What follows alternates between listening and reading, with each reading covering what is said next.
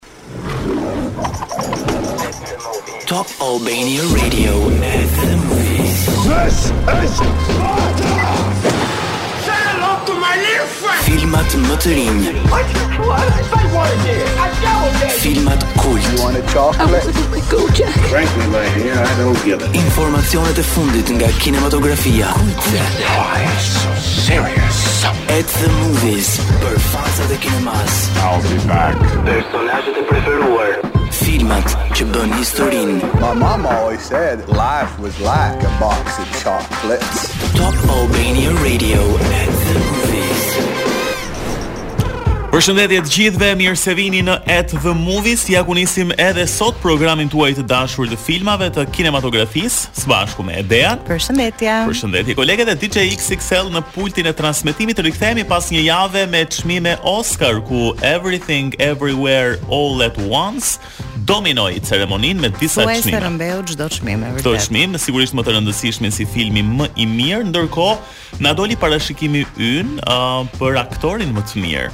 E vërtet. E vërtet, jemi shumë të kënaqur për atë çmim. Brendan Fraser ishte i prekur që tek pjesa e nominimit kur shikonte klipat nga filmi i tij, mm. e lëre më kur e ka fituar sa është kënaqur. Se shumë ishin pak pesimist nëse ai do të triumfonte, po ne e ndiem se e shijuam shumë performancën e tij tek The Whale. Sot do të kemi disa gjëra shumë interesante për të folur në program apo jo. Do të kemi dy premierat e fundit në Cineplex dhe ne u frymëzuam pak nga ajo ndarja e çmimeve Oscar për cilën mm -hmm. edhe kemi folur në emision edhe të dielën ishim dhe folëm më gjerësisht. dhe vendosëm të ju sugjerojmë disa nga filmat që kanë vlerësimet më të larta prej kritikëve. Ne i quajmë ndryshe IMDb-të më të larta të filmave, por janë dhe filma që ne kemi përzgjedhur sepse mendojmë që nëse nuk i keni parë këto filma, nuk keni parë asgjë sipas mendimit tim. dhe është e vërtet shumë prej tyre janë shumë të njohur, megjithatë unë ende takoj njerëz që nuk kanë parë për shembull The Godfather apo filma të tjerë dhe kjo është vërtet shumë e çuditshme dhe prandaj ne jemi këtu. Do ta nisim programin me një kolonë zanore të jashtëzakonshme që vjen po nga një film i jashtëzakonshëm ikonik siç është Scarface. Push it to the limits. Rikthehemi në program për dy premierat e kësaj jave në Cineplex. Um, I pari është një nga ato filma fantashkencë që Edea i ka shumë qejf. Mm -hmm. Në fakt uh, edhe unë i kam shumë qejf filma të tillë. Ka filluar tani që rri me mua. Po, po, patjetër, po uh, duhet të ndikohemi. Titullohet gjashtëdhjetë e pesë apo sixty five, ndjekim pak trailer. Location unknown. Charter three seven three. Po sikur t'ju thonim që udhëtimi në kohë është i mundur. This is Commander Mills. A do të na besonit? My ship was hit by an undocumented asteroid. A do t'i mbijetojnë piloti Mills dhe Koa? Krijesave parahistorike në një tokë të pabanuar. You need to be quiet. And move. You and I are going to get home. Oh, family. 65 në Cineplex TEG dhe QTU. Pas një përplasje në një planet të panjohur, piloti Mills zbulon se nuk ka mbërritur në një planet tjetër siç kishte menduar, por në fakt ka udhëtuar në kohë plot 65 milion vjet më parë. Por ai nuk është i vetmi i mbijetuar, sepse me të do të jetë dhe bukuroshja Koa, duke i shndërruar këta të dy në njerëzit e vetëm në tokë. Sado e bukur të duket ajo ndjesia e të qenurit zoti i gjithë tokës, ata nuk janë vetëm. Dhe pyetja që ngre filmi është, a do i mbijetojnë njerëzit krijesave të rrezikshme parahistorike? Është një film ku luan Adam Driver, një aktor shumë i mirë dhe mjaft i vlerësuar. Së fundmi së bashku me Adriana Greenblatt, Chloe Coleman, Alexandra Shipp e të tjerë, Vjen si një prodhim i regjisorëve Bryan Woods dhe Scott Beck, të cilët njihen për filma si A Quiet Place, Nothing is Impossible, Impulse e shumë të tjerë. Mua më pëlqeu shumë subjekti, edhe traileri, më kujtoi edhe një film Journey to the Center of the Earth mm -hmm. Above mhm. the World, është pak a shumë i ngjashëm me këto krijesa të frikshme. Dhe dyshja më kujtoi Evën dhe Adamin, po nuk e dim nëse do të jetë. E mendova shumë dhe unë këtë gjë, nuk doja të zbuloja se tash ndoshta ky është gjithë ploti i filmit. Po. Që ndoshta ata janë krijuesit e botës mm. dhe mhm. ata u kthyen në të ardhmen po shkuan në të shkuarën po, dhe tani ne jetojmë si Ndoshta është një lloj ironie. Ndoshta, ndoshta më bëri përshtypje që kishte një IMDb prej 5.7 gjë që po duke parë trailerin prisja pak më shumë diku te 7-a të kam përshtypjen që është edhe kategoria shpesh herë filmat komedi fantashkencë um, është pak vështirë për të kapur një IMDb shumë të lartë me sa kemi vënë re kryesisht janë filmat dramë Musical ndoshta edhe disa kategori të tjera që kanë një vlerësim pak më të lartë. Zakonisht komeditë edhe shumë të mira, ke vënë re që kanë një vlerësim 6 për shembull, dhe është një mhm. komedi shumë e mirë. Megjithatë, kam përshtypjen që 65 uh, apo 65 është mjaft interesant për të kaluar tani tek uh, premiera tjetër e radhës. Gjithashtu ka një titull që ne E hasim shpesh sepse është edhe një aplikacion me të njëjtin titull, Shazam që ne gjejmë gjithmonë këngët që nuk i dimë, ndjekim pak trailer. Nga krijuesi i Lights Out dhe Annabelle I bekuar me fuqitë e zotave We will annihilate everything. I spent millennia. Billy Batson. Searching for a worthy champion. Mjafton të thotë fjalën magjike. You know exactly what must be done. Për të mposhtur çdo kundërshtar. Shazam. Në Cineplexx TEG dhe QTU. Shazam do të vazhdojë historinë e adoleshentit Billy Batson, i cili sa herë thotë Shazam, transformohet në një superhero.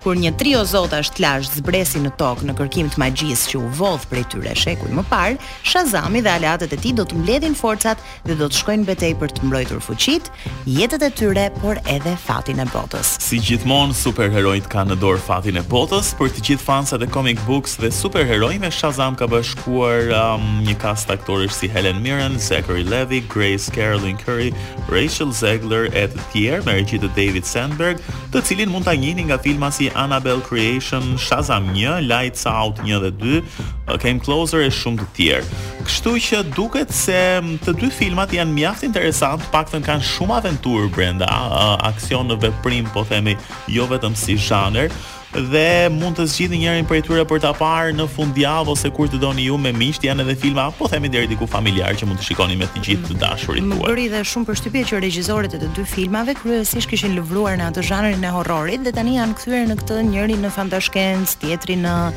aksion, po edhe komedi dhe më pëlqen kjo pjesa, dua t'i shikoj regjisorët që lëvrojnë në më shumë fusha, mm. zakonisht i qëndrojnë stoikë atyre zhanrave ku ndihen comfortable. Po. Sa bukur. Më kujtove Big Brotherin me këtë. Dua t'i shikoj këta regjisorë dhe si janë në nominim. Shumë mirë në nominim ta. Fiks ishte kjo shprehja. Nëse e keni vënë re, ne po ecim sot edhe me kolonat zanore që gjithashtu janë më të vlerësuarat në IMDb. Uh, e radhës është nga Top Gun, një këngë që përveç se ishte kolonë zanore e këtij filmi, jo, besoj që është bërë pa dyshim edhe një nga këngët më të bukura dhe një hit ndërkombëtar, kështu që sjellim tani uh, Berlin me Take My Breath Away për t'u rikthyer pas pak Do të jemi me filmat më të mirë të IMDb-s, sigurisht me shijet e mia dhe të Edeas.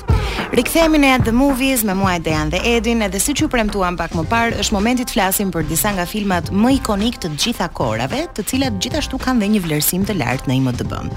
Besoj të gjithë e keni dëgjuar shprehjen The first rule of Fight Club is you do not talk about Fight Club. Po flas pikërisht për kryeveprën Fight Club ku Brad Pitt, Edward Norton dhe Helena Bonham Carter kanë shkrirë talentin e tyre në një dramë mister e cila ka një vlerësim IMDb-je prej 8.8. Edward Norton luan rolin e një burri i cili vuan nga depresioni dhe pagjumësia për shkak se trishtimi i jetës monotone e ka kapluar. Pasi takon Brad Pittin, një lider ekstrovert i cili krijonte sapunë që njëkohësisht shërbenin dhe si bomba, ata vendosin të krijojnë një klub sekret underground ku meshkujt të mërzitur nga rutina luftojnë me njëri-tjetrin derisa njëri prej tyre të dorëzohet. Por me hyrjen e Helena Bonham Carter në rolin e Marlës, një gruaje problematike e cila e kalon kohën e lirë duke u marrë me, le të themi, aktivitete shumë të çuditshme, marrëdhënia mes të dyve fillon të kriset edhe pa dashur t'jua zbuloj atë sekretin më të madh të filmit, po ju them se ata zbulojnë se janë më të ngjashëm nga se ç'e kishin menduar. Çfarë dua të them me këtë? Shikoni filmin.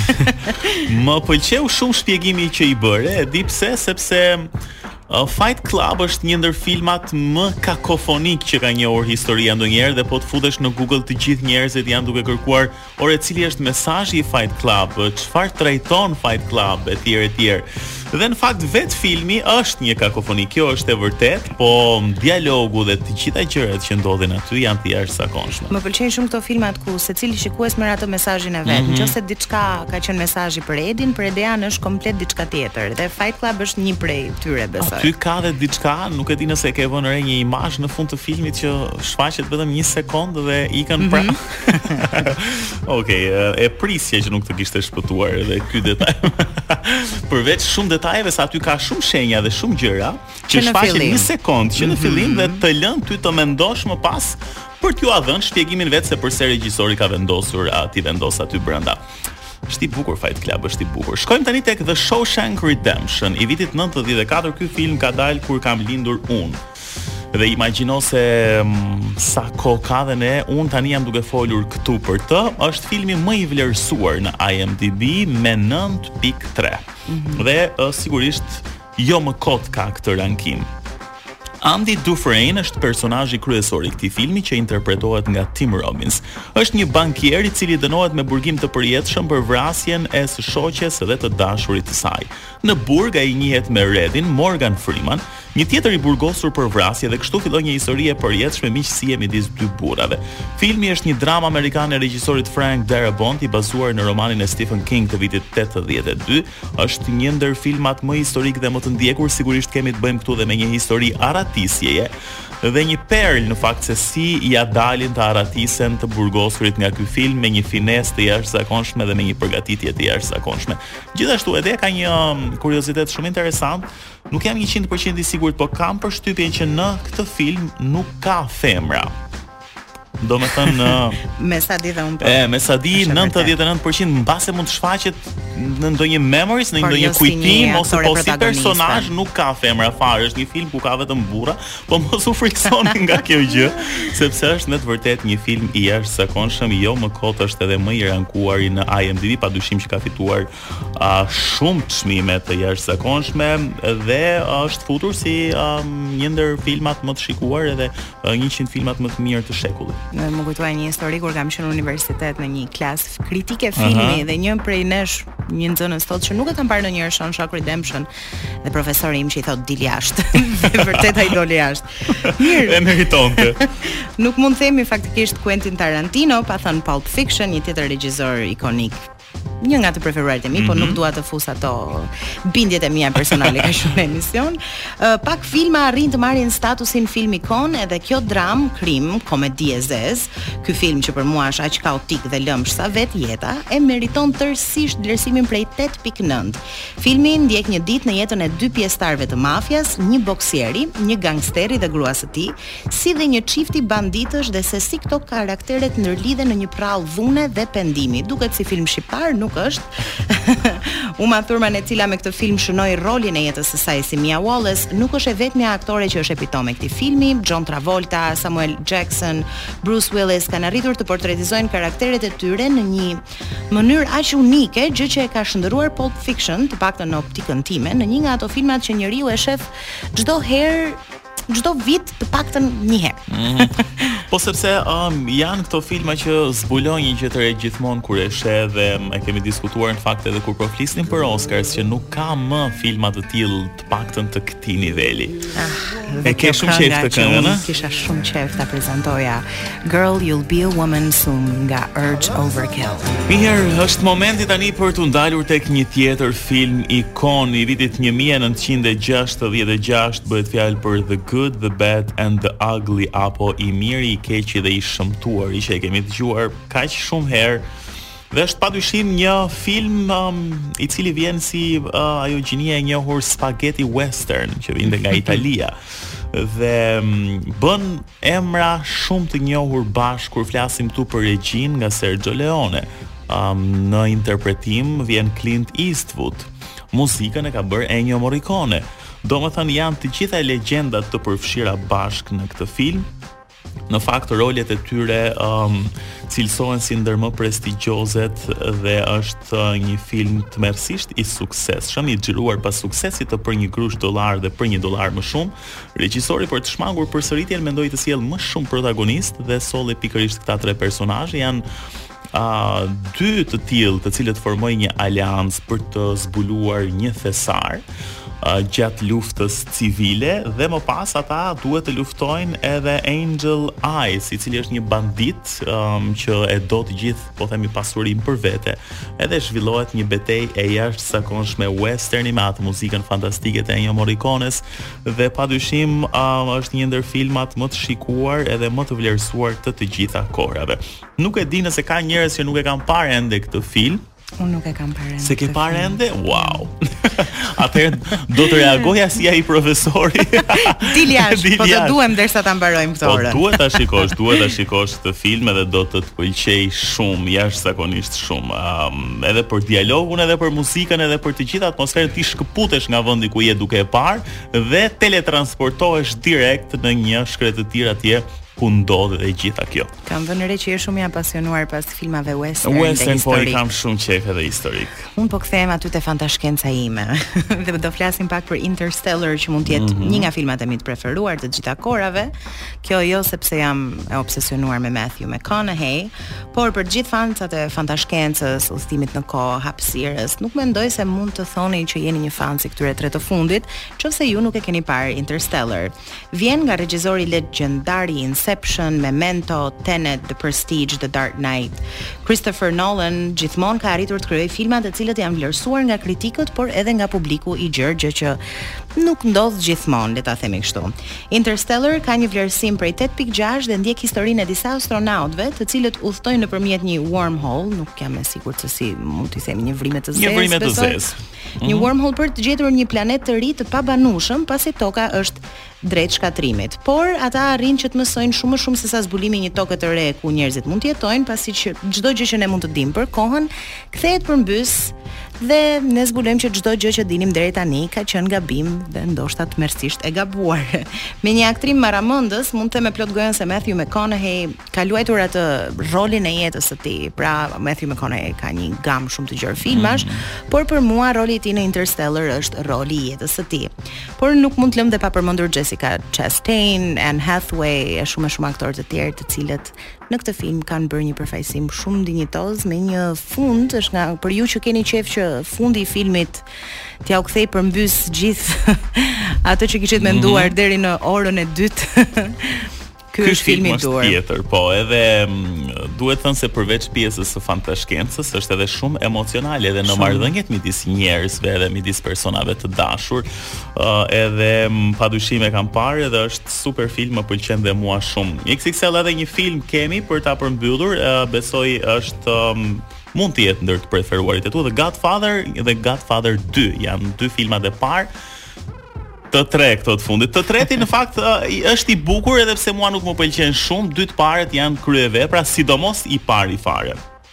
Pa dyshim është kryevepra e Francis Ford Coppolas bazuar në romanin me të njëjtin emër të Mario Puzos, i cili në fakt duhet thënë që është frymëzuar nga personazhe realë në New Yorkun e atyre viteve. Um, vjen pa dyshim saga e Don Vito Corleones dhe familjes së tij mafioze, um, lufta mes shtëpive mafioze në New York, Marlon Brando, Al Pacino, Diane Keaton, James Caan e shumë të tjerë në këtë film që besoj nuk duhet të flas shumë se e, e kanë parë pothuajse të gjithë.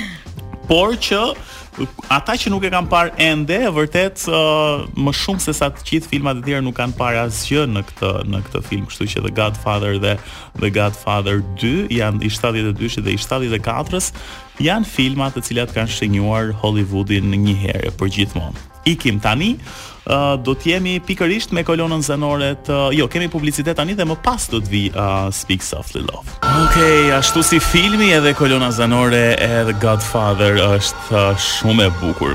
Jemi drejt fundit të programit tani pak nga pak. Kemi um, një quiz që e kemi lançuar javës uh, që po lëmë pas dhe kemi edhe një fitues. Në fakt ne kemi publikuar një video të një prej filmave shqiptar um, shumë të bukur që titullohet Shoku ynë Tili. Dhe mhm. batuta ishte Pse ashtu ngulet gozhda more karafil? Dhe kemi një fitues. Fituesi i kuicit është Joani Rapo, i cili mund të vijë tek Arena, të tërheqë dy biletat, ka dy premiera në Cineplex këtë javë, prej të cilave mund të zgjedhë filmin që dëshiron të shikojë. Okej, okay, urime shoku ynë Joani. Shoku ynë. Edhe ne ndërkohë, um, Dea më saktë sapo ka gjetur uh, një kuic të ri, të cilin do ta keni për shumë pak minuta të publikuar në faqen e radios në Instagram, Po ju jap një hint të vogël, është bën pjesë tek një nga këto filmat për të cilët ne folëm pak më parë. Po, edhe është një video pa zë dhe ju duhet të gjeni batutën të cilën aktori e thotë në atë video. Kemi disa javë që zgjedhim vetëm filma shqiptar, por kësaj radhe menduam t'ju servirim një film me një IMDb shumë të mirë dhe prap një hint tjetër, një nga të preferuarit e mi. Okej, okay, mirë, boll tani. Megjithatë shkoni në faqen e Instagramit edhe aty mund të komentoni për t'u bërë fitues të dy biletave në Cineplex. Mirë. Shpresojmë që këto sugjerime pavarësisht se janë shumë të njohur si filma, uh, e thamë edhe në fillim që shumë prej jush mund të mos i kenë parë, kështu që një rikujtesë asnjëherë nuk na bën dëm për të parë filma të mirë, edhe mund të shërbejë kjo si një shtysë për t'u rikthyer edhe tek filmat e vjetër, ndoshta tek filmat kult që sa herë që t'i shikosh ndoshta edhe më shumë se një herë kanë um, atë gjënë e tyre të bukur, të cilën e shijon gjithmonë që ti i sheh. Magji, magji. Na ndihmoi XXL me shprehjen e duhur. Këtu kemi mbërritur në fund. Faleminderit që keni qëndruar me ne. Urojmë që të keni një fundjavë sa më të këndshme dhe bashkë. Ne do të dëgjohemi të premten tjetër. Kalofshi bukur.